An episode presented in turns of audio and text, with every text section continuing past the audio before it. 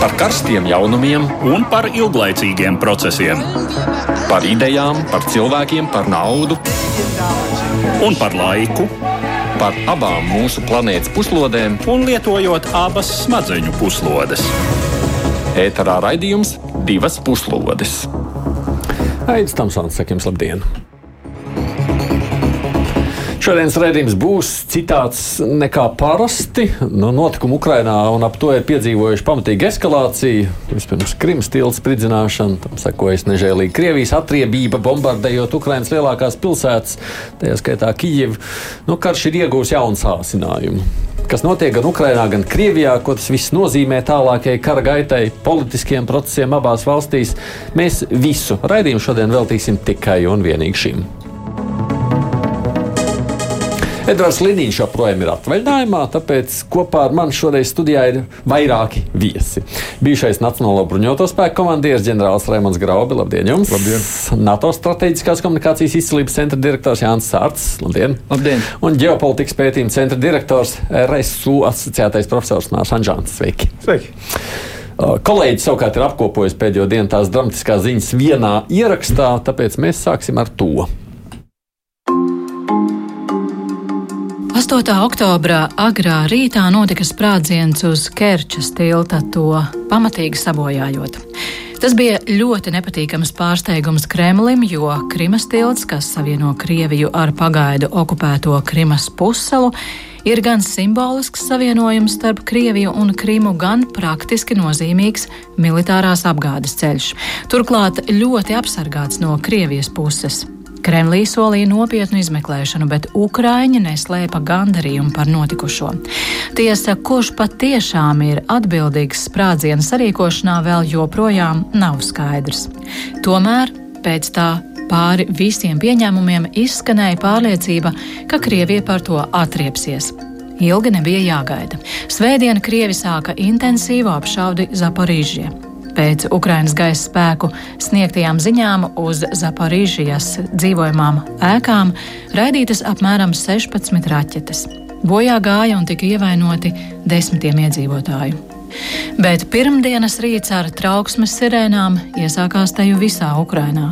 Krievijas raķešu uzlidojumi un sprādzieni bija dzirdami Kijivā, Žitomirā, Ļvivā, Ternopiļā un citvietā.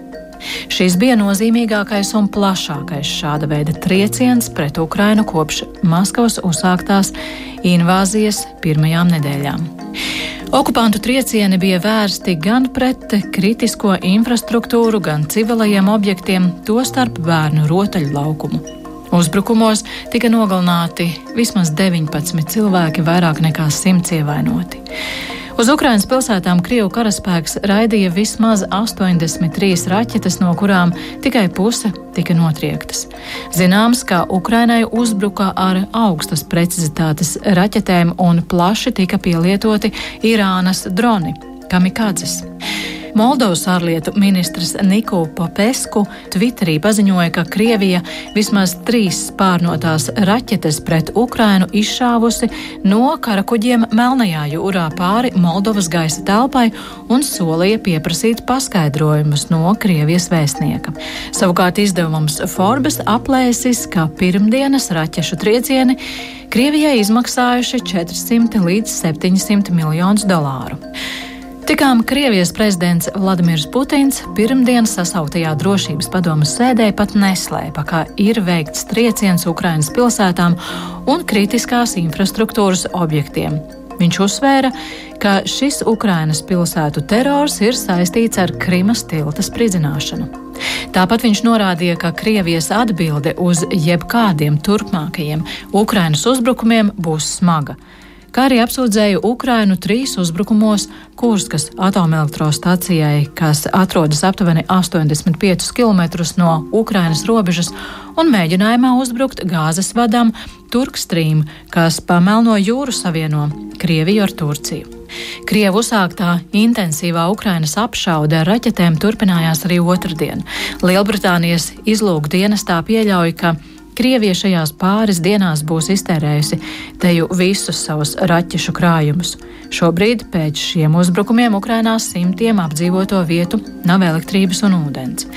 Uz Krievijas veiktajiem raķešu un dronu uzbrukumiem reaģēja arī lielvalstis. G7 valstu līderi otrdien sasauca ārkārtas video sanāksmi, lai spriestu, kā rīkoties pēc šiem Krievijas uzlidojumiem. Tajā ar uzrunu piedalījās arī Ukrainas prezidents Volodimirs Zelenskis.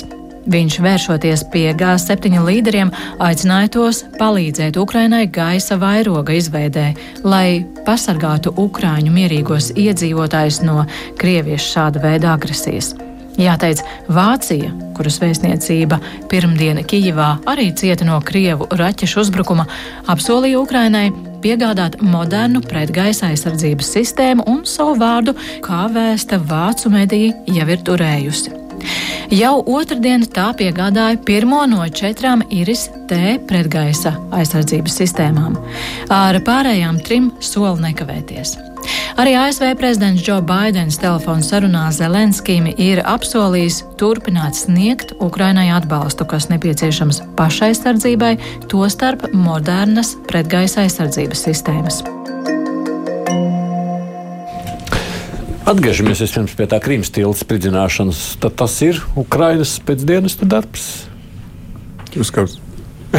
Nē, nu kā, nu, precīzu datu nav. Jā. Bez tādiem nu, vienīgais, uz ko mēs varam paļauties, ir, nu, kas visvairāk iegūst šajā situācijā. Un manā vērtījumā, jā, tā ir Ukraina, kas visvairāk mm. iegūst, jo tas bija gan simboliski, gan arī nu, praktiski kaut nedaudz tomēr, ar zināmiem efektiem uz kaujas lauka apgādi. Līdz ar to tā jau visticamākā scenārijs. Nu, protams, ir pietiekami daudz tagad, ir īpaši krievalodīgā informācijas telpā, dažādas citas teorijas, bet nu, tur šo tiešo ieguvumu man liekas, ir daudz, daudz grūtāk saskatīt. Es vēl papildinātu, jā, es uzskatu, ka arī tas ir Ukraiņas, Ukraiņas uzvara, tāda simboliska uzvara, emocionāla, varbūt mazāk praktiska, jo šķiet, ka viņi tomēr tiks galā ar šīm tehniskiem radītām, tehniski radītām problēmām.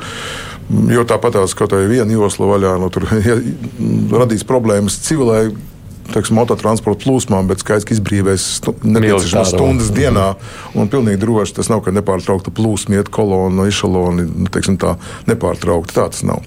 Un otrs, otrs iemesls ir. Uh, Ja arī tas ir vairāk sazvērstības teorijas, Jānis jau pieminēja, tādas dzīvotspējīgākās ir varbūt savā starpā. Tur nu, tādas frakcijas, tur ērgļi vairāk un mier, varbūt tādas mier, mierīgākas karojošās frakcijas kaut kur pietuvināti Putinam. Tad uzdrīkstē, uzdrīkstēties kādai no viņām, vienalga kāda iemesla, iekšējā iemesla dēļ, rīkot tādu emocionālu triecienu pēc Putina dzimšanas dienas vai principā dzimšanas dienas dāvanas periodā, manuprāt, to neviens neuzdrošināsies. Jo ja agrāk vēl tas nāks zināms, un to, to Putins nepiedod gados pat, ja varbūt atbalsta kaut kādu tur kādiem nosacījumiem, iespējamu kara eskalāciju vai nomierināšanu. Tā kā ne, manuprāt, mhm. paliek pāri Ukrainas, Ukrainas ļoti veiksmīgais uh, uzbrukums.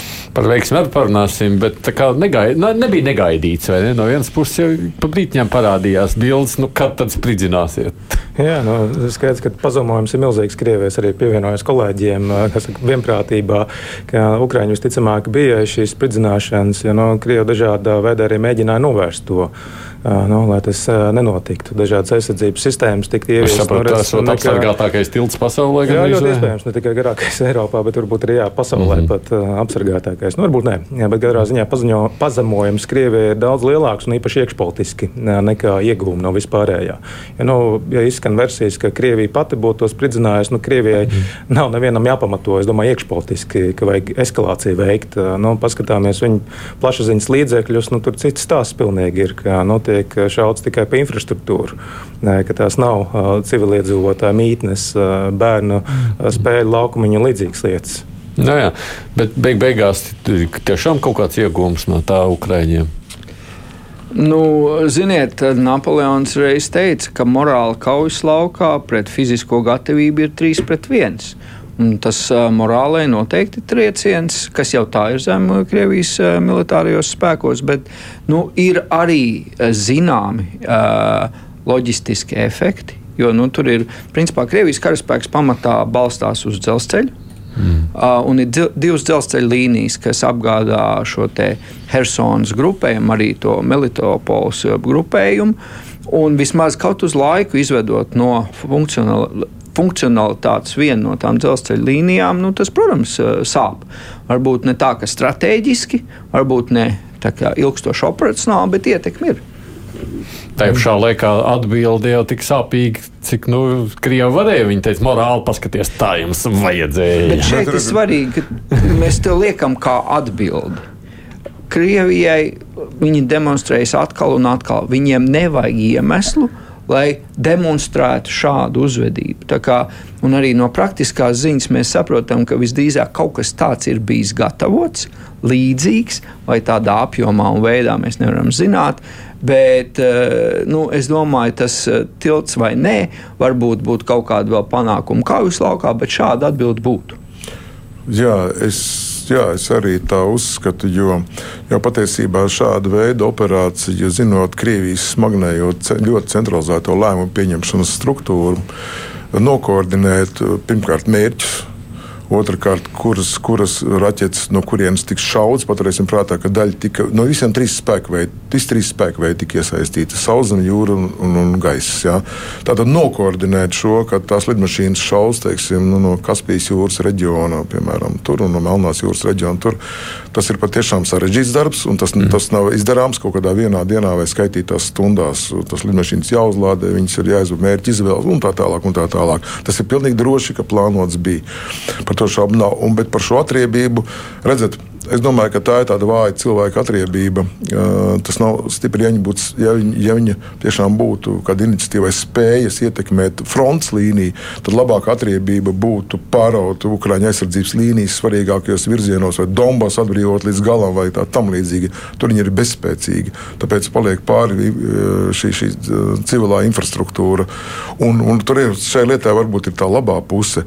Par raķetēm mēs varam parunāt daudz, vien to mēs daudz nezinām, bet tas, ka viņi ierobežo, tas ir skaidrs. Bet varbūt no vienas puses tā nelaimē ir tas labums, kad viņi tiek izšauti šobrīd, kad gaisa temperatūras nav tādas.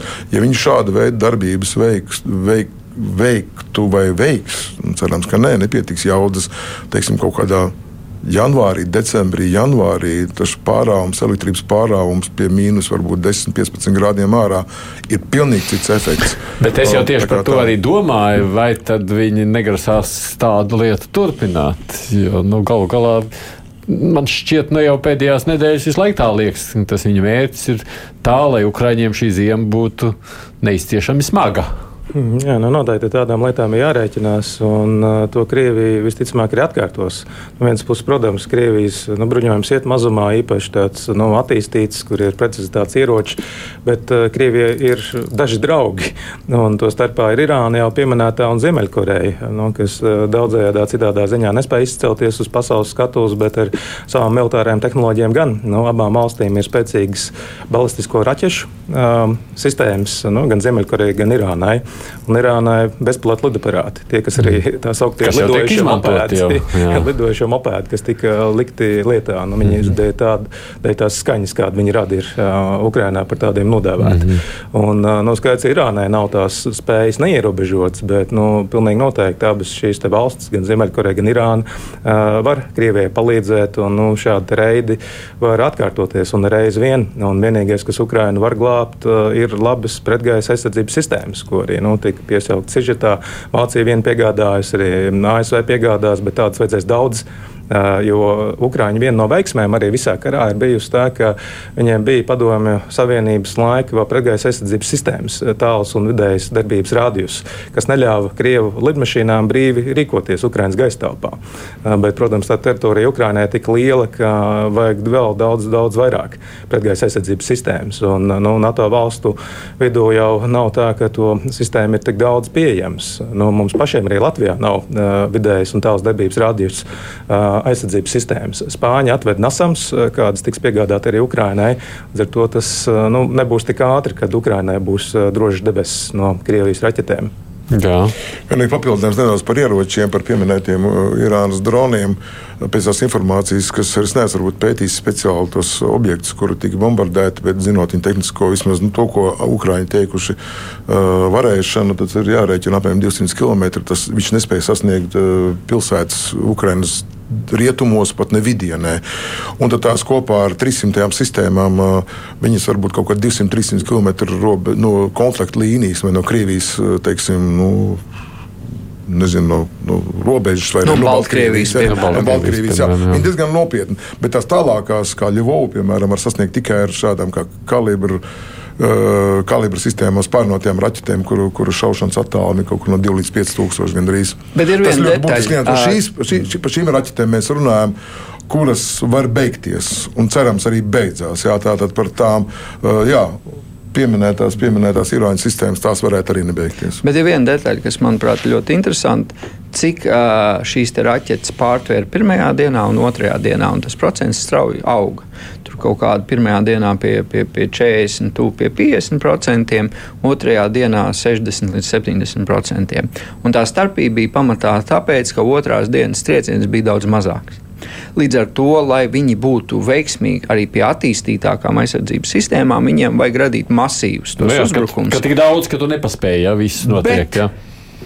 Es eh, esmu dzirdējis vairāk avotu sakām, ka viņi principā te jau pēdējo, kas ir bija, ir izmantojuši vismaz no tā ļoti, nu, cik nu, tas Krievijas izpratnē precīzā gala, kas nu viņiem ir. Un spēja atjaunot šos krājumus ir, maigi izsakoties, minimāla. Līdz ar to, protams, viņi mēģinās to atkārtot, bet eh, vai viņi būs spējīgi, neesmu drošs. Arī lai šo viņi varētu realizēt, mēs jau ar Raimondu runājām. Viņi, man liekas, kāds divus, trīs mēnešus krāja. Ja nu, neizmantoja principā šīs raķetes, kas arī, manuprāt, ir indikators. Mm. Un vēl viena lieta piebildīšu par, arī par jaunajām dotiem, gan Naisalam, gan arī ar, ar Iris, no Iris, kā, kā izrunā. Iris tēm, sistēmām ir ļoti, ļoti modernas komandu vadības sistēmas. Ko tas nozīmē? Viena lieta ir raķete, otra lieta, cik vienlaicīgi mērķis spēj pavadīt.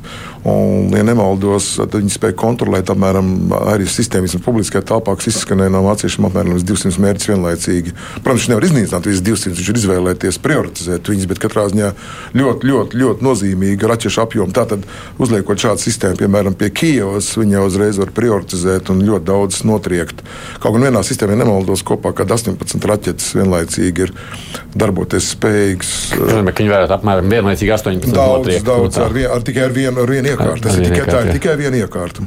Jā. Nu, jā, nu, un, tad, pārlēs, un tad ir, jā, es nezinu, nav man pilnīgi tehniskā data, protams, arī izšaujot arī kaut kāds pēc kaut kāda laika raķetes pašas ir pieejamas, tad pārlādēšanas, pēc pārlādēšanas turpina šo kauju.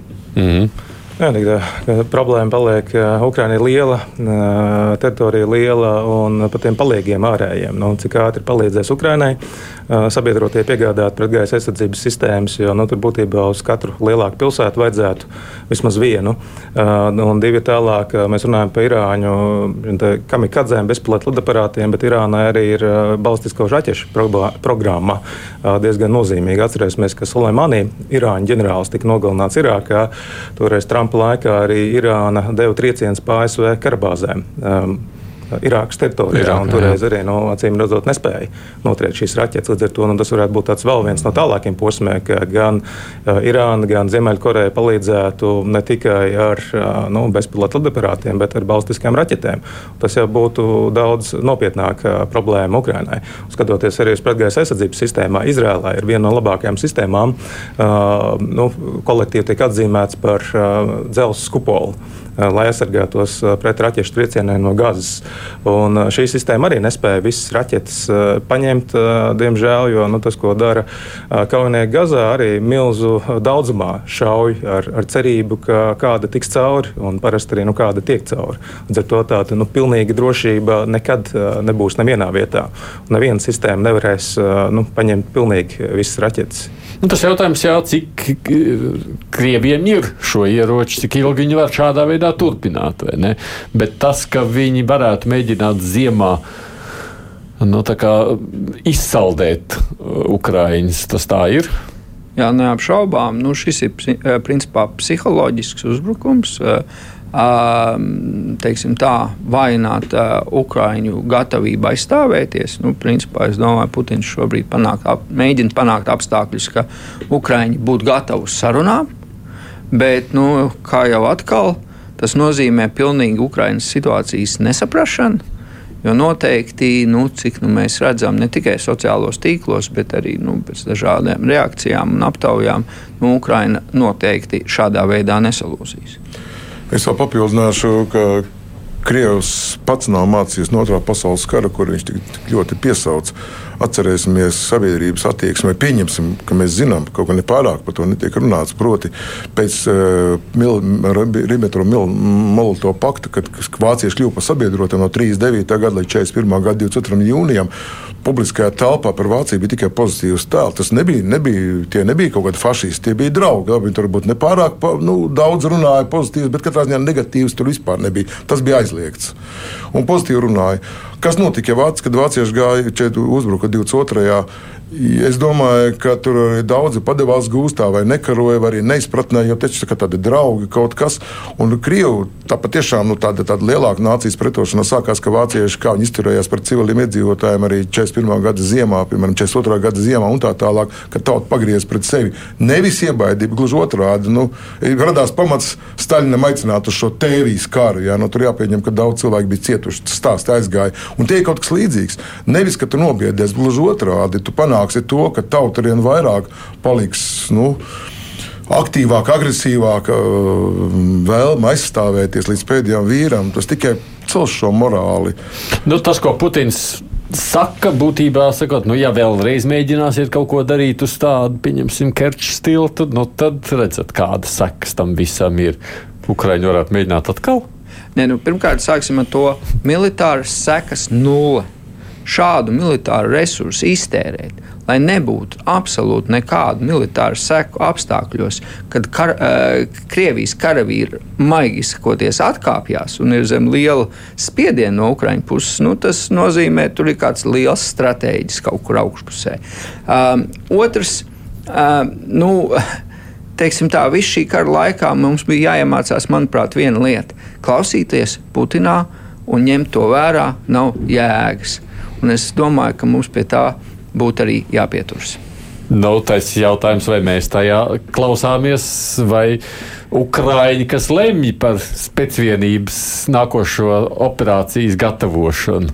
Domāju, Ukrāņi turpinās līdzīgas aktivitātes, neapstāsies ar šo. Ir skaidrs, ka Ukrāņiem joprojām ir, viņi atrodas uz pacēluma viļņa. Eh, un eh, noteikti sekos eh, līdzīgas operācijas gan Krimas apkārtnē, gan noteikti arī Krievijas dienvidos, nu, kur Belgradā ik pa laikam ir bijuši mm -hmm. Ukrāņu reidi pāri robežai. Es domāju, to jārēķinās Krievijai.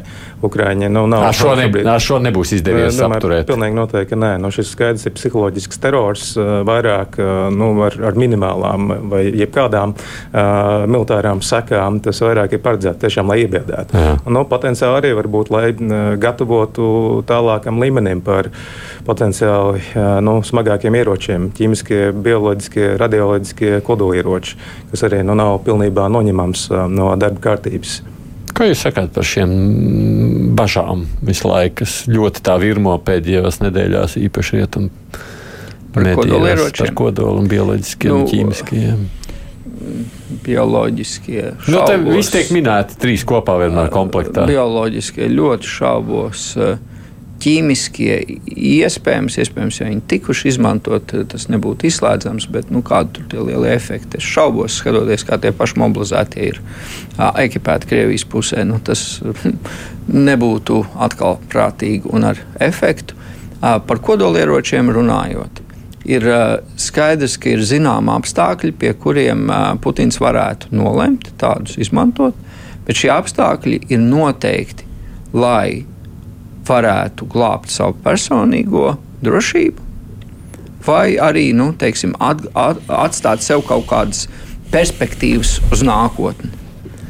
Un šeit tas svarīgākais šajā visā pienādojumā ir, lai tajā mirklī, kad cilvēks pienāk pie šī lēmuma pieņemšanas punkta, viņam būtu absolūti skaidrs, ka šāds lēmums nenovedīs nec pie personīgās drošības, nec pie iespējas dažādiem variantiem viņam pašam nākotnes teiksim, scenārijiem.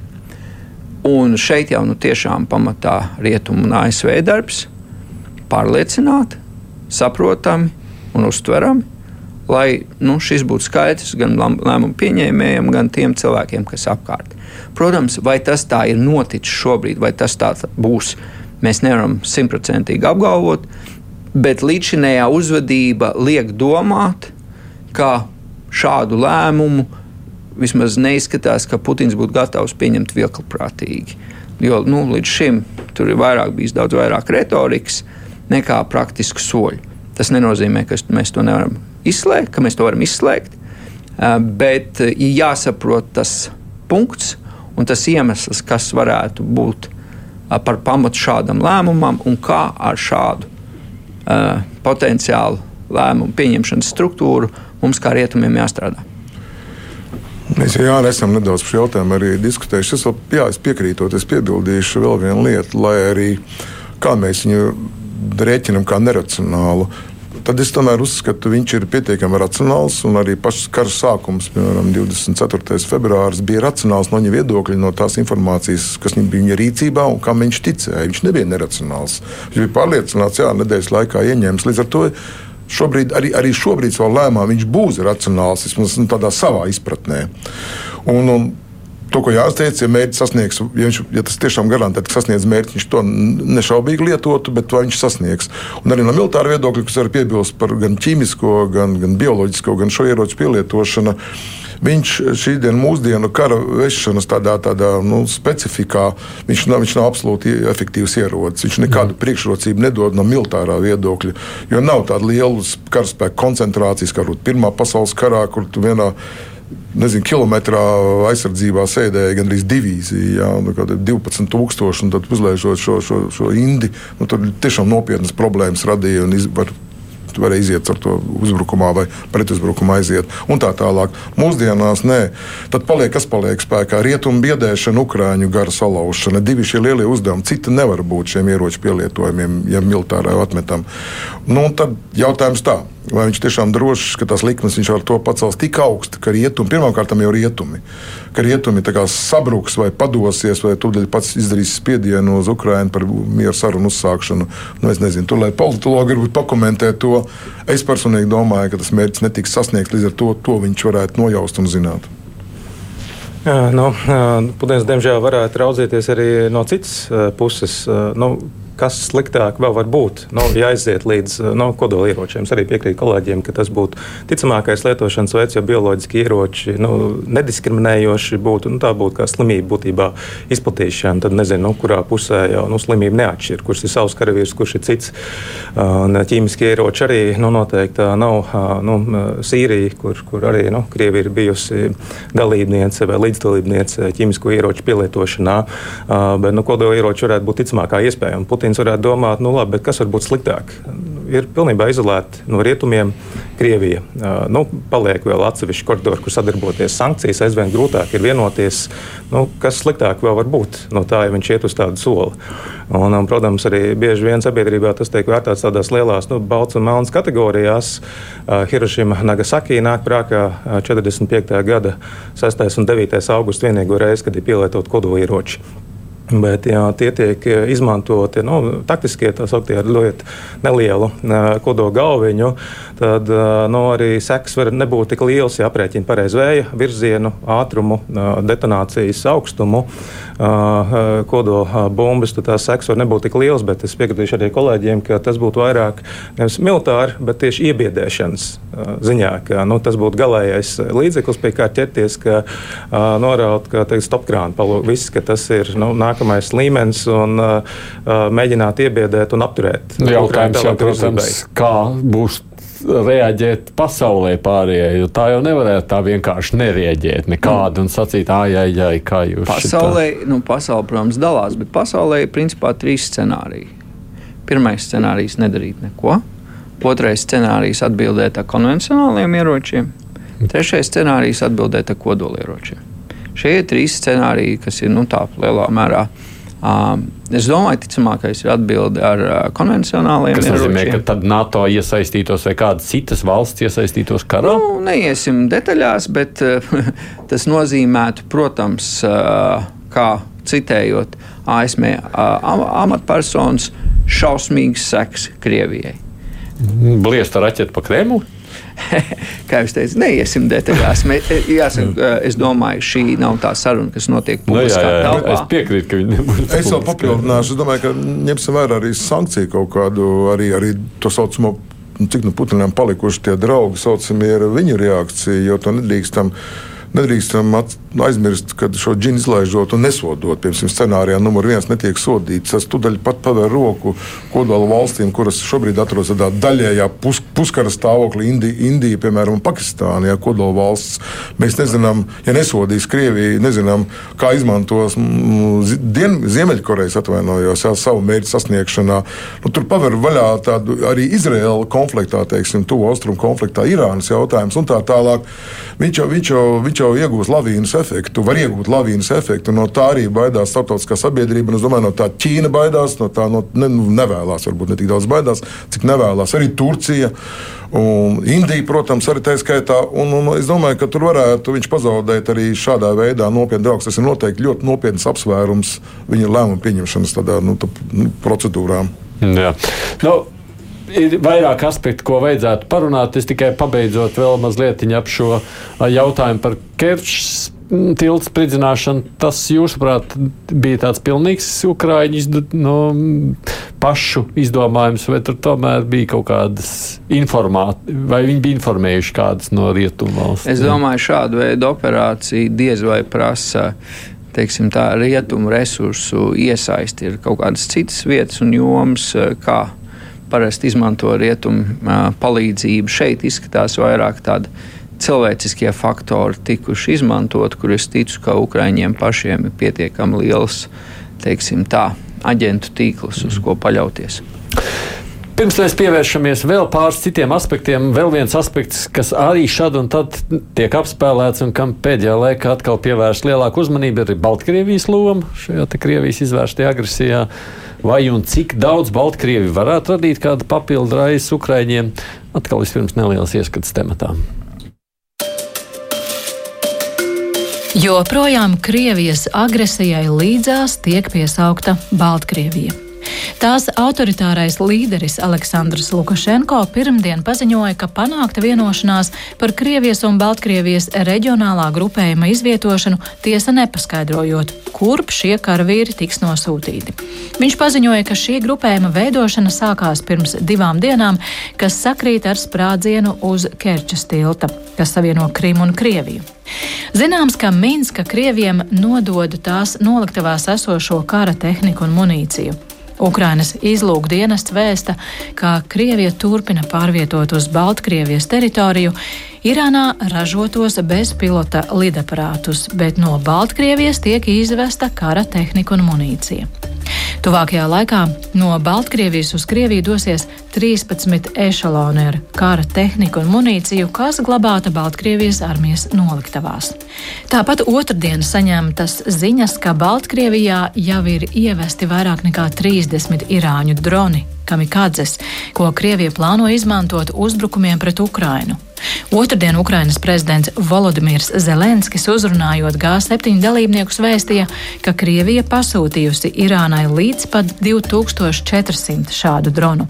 Viņš arī atgādināja, ka Krievija joprojām mēģina tieši iesaistīt Baltkrieviju šajā karā, izspēlējot provokāciju, ka Ukraina it kā gatavo uzbrukumu un aicina lielvalstis uz Ukrainas un Baltkrievijas robežas izvietot starptautiskos novērotājus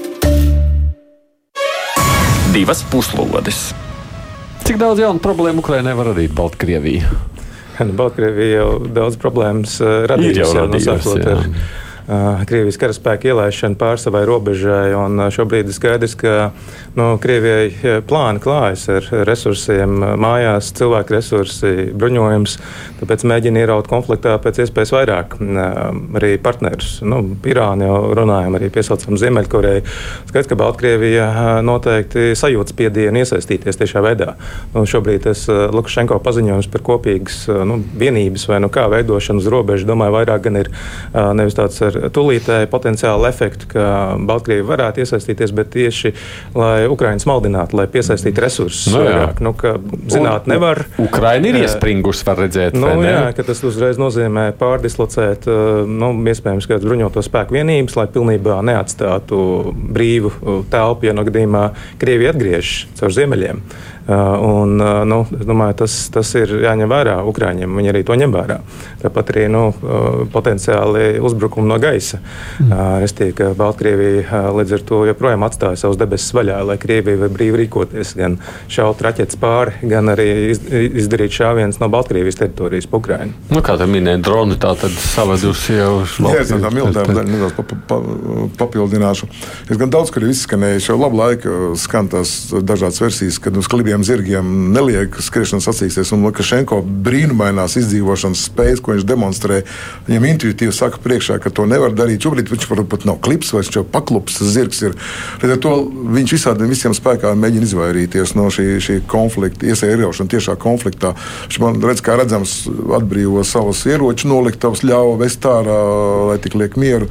Jā, militāri pilnīgi piekrīt, un arī daudz Jānis, man liekas, to teica. Visi eksperti saka, protams, ka visi saprot, ka uh, viņa aktivitātes saistītas ar Ukraiņas spēku pieturēšanu. Kaut gan tas, tas ir ļoti nozīmīgs faktors. Tomēr viņam jārēķinās ar iespējamību kaut kādiem konfliktiem. Bet, bet ir vēl viens ļoti būtisks moments.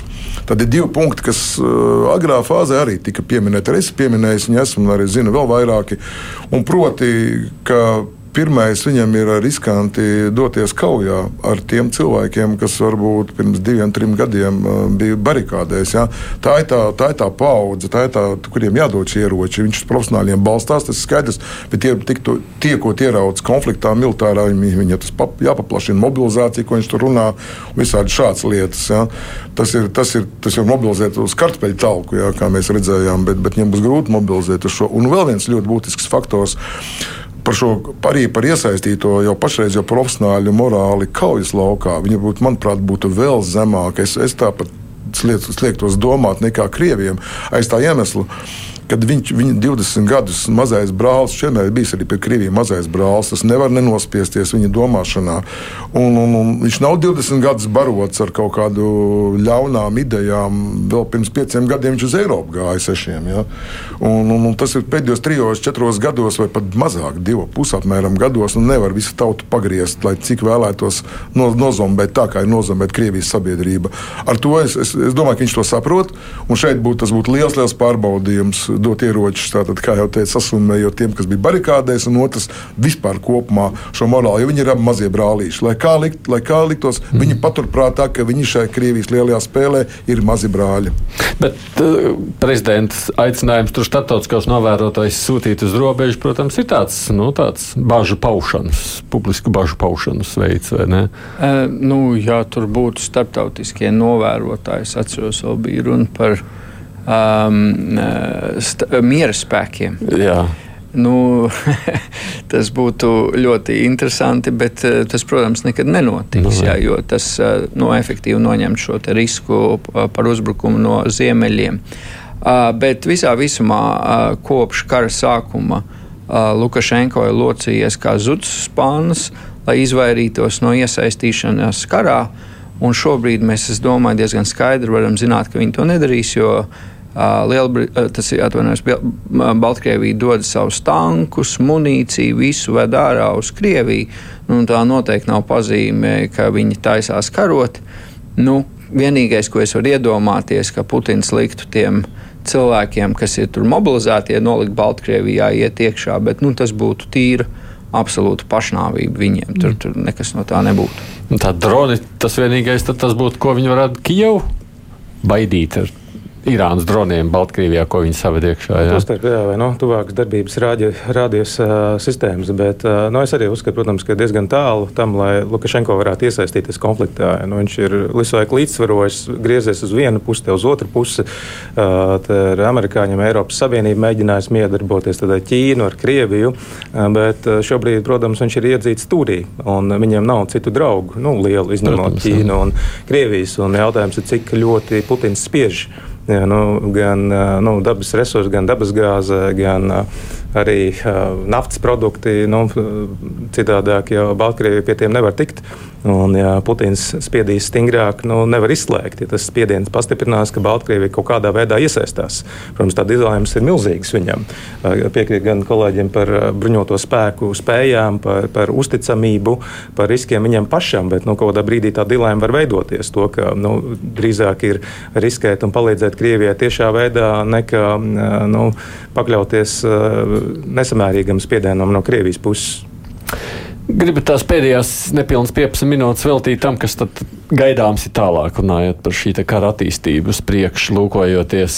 Nu, viena no ziņām, kas arī šajās dienās izskanēja, viņiem ir jauns atbildīgais, kā lai to nosauc, tāds Suraveikins, kas cilvēks, kurš tāds ir uzņēmies atbildību par visu šo karagāšanas gaitu. Nu, šis ir tāds mēģinājums jau kuro reizi patiesībā nekas jauns nav kopš konflikta sākuma, kara sākuma, atvainojos, ne konflikta, kara sākuma. Visādos veidos mainot ģenerāļus, nokoordinēt vienu no vislielākajām Krievijas federācijas armijas problēmām. Tas ir koordinācija, mm -hmm. šo, šo spēku koordinācija. Jo paturēsim prātā, kas ir klasika ko visās, visās augstskolās, ko mācās militārās koledžās, pirmais kādā veidā koordinēt gaisa, jūra, zeme. Es jau pieminēju par šiem mhm. uzbrukumiem, kas prasa ļoti augstu koordināciju. Bet viņiem nāk papildus, ka šai zemes sektorā īpaši viņiem ir vēl četras pilnīgi neatkarīgas kaujas vienības, kuras savā starpā pat konfliktē, vai, vai vismaz tā komandu vadība ir neskaidra, viņi negrib pakļauties. Ja. Varam pat pieskaitīt piekto kadīriešu, kas ir paši par sevi. Ar to es gribu teikt, ka tā, tā situācija ļoti sarežģīta. Ko viņi mēģina darīt? Jo, jā, bija jau centralizētais, bet tad palika sadalījās atkal pa diviem uh, dienvidu un rietu ziemeļu faktu, uh, sektoriem. Un tas nozīmē, to, ka Ukraiņi pārsviežot spēkus no viena puses, otru koncentrējot kaut ko. Viņiem jāprasa atļaujas savus spēkus pārgrupēt. Tur nedos tie konkurējoši, zinām, mērā konkurējoši ģenerāļi, kuriem katram jāatbild par savu mm. sektoru. Prasība jāprasa augšā uz štābu, jāņem no tam, lai nosūtītu uz otru pusi. Un tas atkal ir tas, nu, ko tie atkal teiks, nu, un tā tālāk. Nu, neattīstīšu mm. to. Es domāju, radioklausītājs saprata. Tas ir mēģinājums koordinēt un kontrolēt vienotu komandu vadības sistēmu, ka viens atbildīgais, viņš var pateikt, jā, mēs, šis, šis sektors ir strateģiskāks, šis ir mazāk atbildīgs. Mēs pārstāvam to tādam vajadzēja būt. Ne? Nu, viņam mēģināja, tāds jau bija viens. Un tas ir weekends, principā, ir mēģinājums koordinēt, kāds izdosies, zinot šo, šo, šo, šo Krievijas federācijas arī līdz šim apliecināto komandu vadības bardaku, atvainojos citu vārdus, laikam neatradīšu labāku. Mums ir liels cerības arī Ukrāņiem, tā skaitā, ka šī, šī, šī, šī pārmaiņa neko, neko, neko jaunu nu, nenesīs un nemainīs darba, operacionālo situāciju kara, kara darbības teātrī. Es šo redzu nedaudz savādāk. Iemesls, kāpēc šis Karlsona apmēra ģenerālis ir nolikts priekšplānā, ir apmēra. tāds, okay. nu, kurš droši vien tāds karavīra fiziskos testus nevarētu iziet cauri. Um, tiek izlikts priekšplānā un visi viņu redz, pa viņu runā. Uh, nozīmē, manuprāt, tikai vienu, ka viņi apzinās, ka viņš būs ģenerālis zaudējumiem. Jo kamēr bija ticība Kremlī, ka būs uzvaras, vispār nevienu ģenerāli neredzēt, publiski varēja ne, nedzirdēt. Mēs pat nezinājām, kurš ko komandē, kurš ko nē. Jo pieņēmums bija, ka galvenais to visu lauru plūcējs būs Putins. Putins. Tādā mirklī, kad ir acīm redzot, arvien skaidrāk nojaut Neiet runa par to, ka viņi izveidojuši atkal vienu posteni. Tā jau bija. Tikai tagad šis ir izlikts publiskā telpā. Nu, Rekur, šis ir tāds skarbais ģenerālis, kuram mēs iedavām. Bet iemesls, kāpēc viņš ir atpazīstams, redzams, par ko, kāpēc par viņu runā šajos šovos Krievijas, ir tāpēc, ka viņi saprot, ka viņš uh, pārvaldīs zaudējumus. Un būs attiecīgi tas, kurš ir vainīgs nākotnes. Nevis mm. pats uh, virspavēlnieks. Es domāju, tas ir uh, vairāk no tā paša, tikai vairāk mēs redzam tā apzināšanās, ka būs sliktāk. Bet nu, viņam ir tas tēls, kā baidējošs, ja mēs runājam par iebiedējošu. Jā, jā pieredze ir. Jā, un, un, un tur, kā saka, pilsētu iznīcināšana vesela, tad noteikti arī to viņš eh, pieeja atnesīs. Noteikti var piekrist, ka ir kaut kāda droši vien atbildības sadalīšana, jo arī līdz šim jau nu, Putins jau nav uzņēmies atbildību par neveiksmēm. Tā pamatā uz šai gu aizsardzības ministra nolika, mm. un arī mobilizācijas jautājums tika celts augšā, nu, tika jau pasniegts, ka nu, redz, Putins uh, ieklausās aizsardzības ministrijā viņas piedāvājumā. Es domāju, nu, tajā ziņā kaut ko var mainīt, bet var arī nemainīt. Es domāju, ka drīzāk tomēr ir tas saka, vienotas komandas struktūras jautājums, nu, zināmā mērā hausa izbeigšana, kas valda. Un droši vien pamata mērķis ir fronts līnijas kaut cik stabilizēšana. Saka, viens cilvēks, kas var visu pārredzēt un nu, palīdzēt apstādināt Ukraiņu tālāk virzību. Nu, vai tas sanāks? To drīzumā redzēsim. Bet interesanti, viņš jau bija Dienvidu grupas komandieris vienā brīdī, un viņi noņēma. Viņš bija kara apgabalā, jā. Jā, jā viņš arī tur, dienvidu, tā kā jā. viņam jau ir pieredze šī kara laikā būt noņemtam par sliktiem rezultātiem. Mēs mums uzmainītam kaut kur tālāk, bet, bet viņa, jā, tā nežēlība, ko, ko Mārcis iesāka, jā, viņi, viņi iet cauri viņam. Mēs arī pirms redzējuma nedaudz parunājām iet cauri jau sākot no puča perioda. Viņš puča laikā komandēja rotu, cik es atceros, tomēr viena batalīna rotu. 90. gadu. 90. jā, kurā, kurā tika sabraukti trīs cilvēki. Tad viņš jau izcēlās ar tādu nežēlību un ļoti varbūt. Ļoti varbūt viņš pat atradās tajā bruņtehnikas vienībā, kura to, kura to, nu, to, to, to šo faktu fiziski realizēja. Tā kā viņš arī šādā veidā tāds, tāds skandalozs, arī tur pāris skandāli pa vidu bija. Nu, tad, protams, To, ko visvairāk zina, laikam 17. gadā viņš bija vienu periodu Sīrijā, kad lielās bombardēšanas notika. Nu, atkal šī, šī viņa operacionālās iemaņas nu, Ukrainā noteikti nederēs. Nenoderēs, jo, tā, tas ir pilnīgi cits karš, un varbūt tas pat ir labi, ka bez šādas pieredzes tiek iecelts. Bet mēs tagad ar viņu nedaudz atgriežamies arī par, par šo iepriekš plānoto vai neplānoto Krievijas masveida civilu objektu bombardēšanu. Uh, Es viņu sasaistu arī, jā, ko es nepieminēju, pirmajā daļā sasaistu arī ar jaunu komandieru ierašanos. Tas ir vairāk kārt jau bijis ar jauniem komandieriem, tāds masīvs uzbrukums. Tad pāris dienas viņš piesakās, nu, tad rāda savu, viņam jāattaisno, acīm redzot, Kremļa saimnieku priekšā kaut kāda savu, savu agresivitāti, nu, nu, tāda apņēmība, teiksim, ja, un tad viņš realizē tādā necivilizētā veidā. Tā kā es vēl sasaistītu ar viņu arī nedaudz kopā un šo, šo bombardēšanu. Mēs vēl arī pēdējās dienās esam redzējuši mēģinājumu veikt pretuzbrukumus tur pie pie Svatovas, pie Kremļa. Nu, viss, protams, nesekmīgi. Šādos, Bahmuts arī Bahmuts jā, nu, Bahmuts turpinās, jā. bet uh, pretuzbrukumu tur, kur Ukraiņa gāja uz priekšu. Un, protams, uh, principā pēc tam pieejamām ziņām ar katastrofālām sekām tiem, kas mēģināja uzbrukt šādos mm. apstākļos. Bet nu, šeit es piekrītu Raimondam, ka, ka tas nozīmē tā ir tā jaunā ģenerāļa tā, tāds zīmodziņš uz to visu kaujas lauku. Un sliktākā ziņa ir, šī ir eh, Krievijas mobilizētiem eh, cilvēkiem. Nu, viņu izredzes eh, izdzīvot ir kārtīgi nokritušās. Un, iespējams, šis arī iezīmē ne tikai sākumu, bet arī Krievijas pieeja transformācijas vēl lielāku brutalitāti uz vēl lielāku vēršanos pret civiliem objektiem un arī pret civiliedzīvotājiem. Ja, nu, tā vēsture ir šim ģenerālim, un nu, tas arī var būt viens no motīviem prātā Putinam. Nozīmēt šādu ģenerāli, kas, saka, citiem vārdiem, ķīnieks neņem. Mm. Nu, kas, jā, ko mēs te zīmējam, ainas sakot, vairāk tiešām ne tik daudz militārās uzvaras, cik, cik uh, civilo postīšana. Bet uh, tajās pēdējās dienās neko daudz par notikumiem frontē mēs vairs nedzirdam. Kas tur notiek un kā vispār, kā jūs redzat, kas tālāk notiek? Es varbūt atgādināšu to, jā, es arī patiesi par to domāju, tāpēc arī gandrīz pieteicos pirmais atbildēt uz šo jautājumu. Pastīsimies periodus pirms kārtējiem Ukraiņu panākumiem. Viens pret vienu. Nekas nav mainījies. Klusēja, Viņi klusēja nedēļas pat vairākas, un tad, mm -hmm. tad pēkšņi kaut kas notiek. Tad atkal klusi un atkal notiek. Ukrāņi ļoti labi nu, caur to psiholoģisko spiedienu uz Krieviju. Nu, kaut kur kaut kas būs. Un arī šī daļa no informatīvā kara, teiksim, tādām metodēm, maldināšanas kara metodēm. Es domāju, un esmu diezgan drošs, ka viņi to plāno. Kaut kādu, kaut kādu jaunu ofensīvu, kaut kādu nezināmā, pēc cerams, ka Krievija tā arī, ka Federācija tā arī neatklās, kur.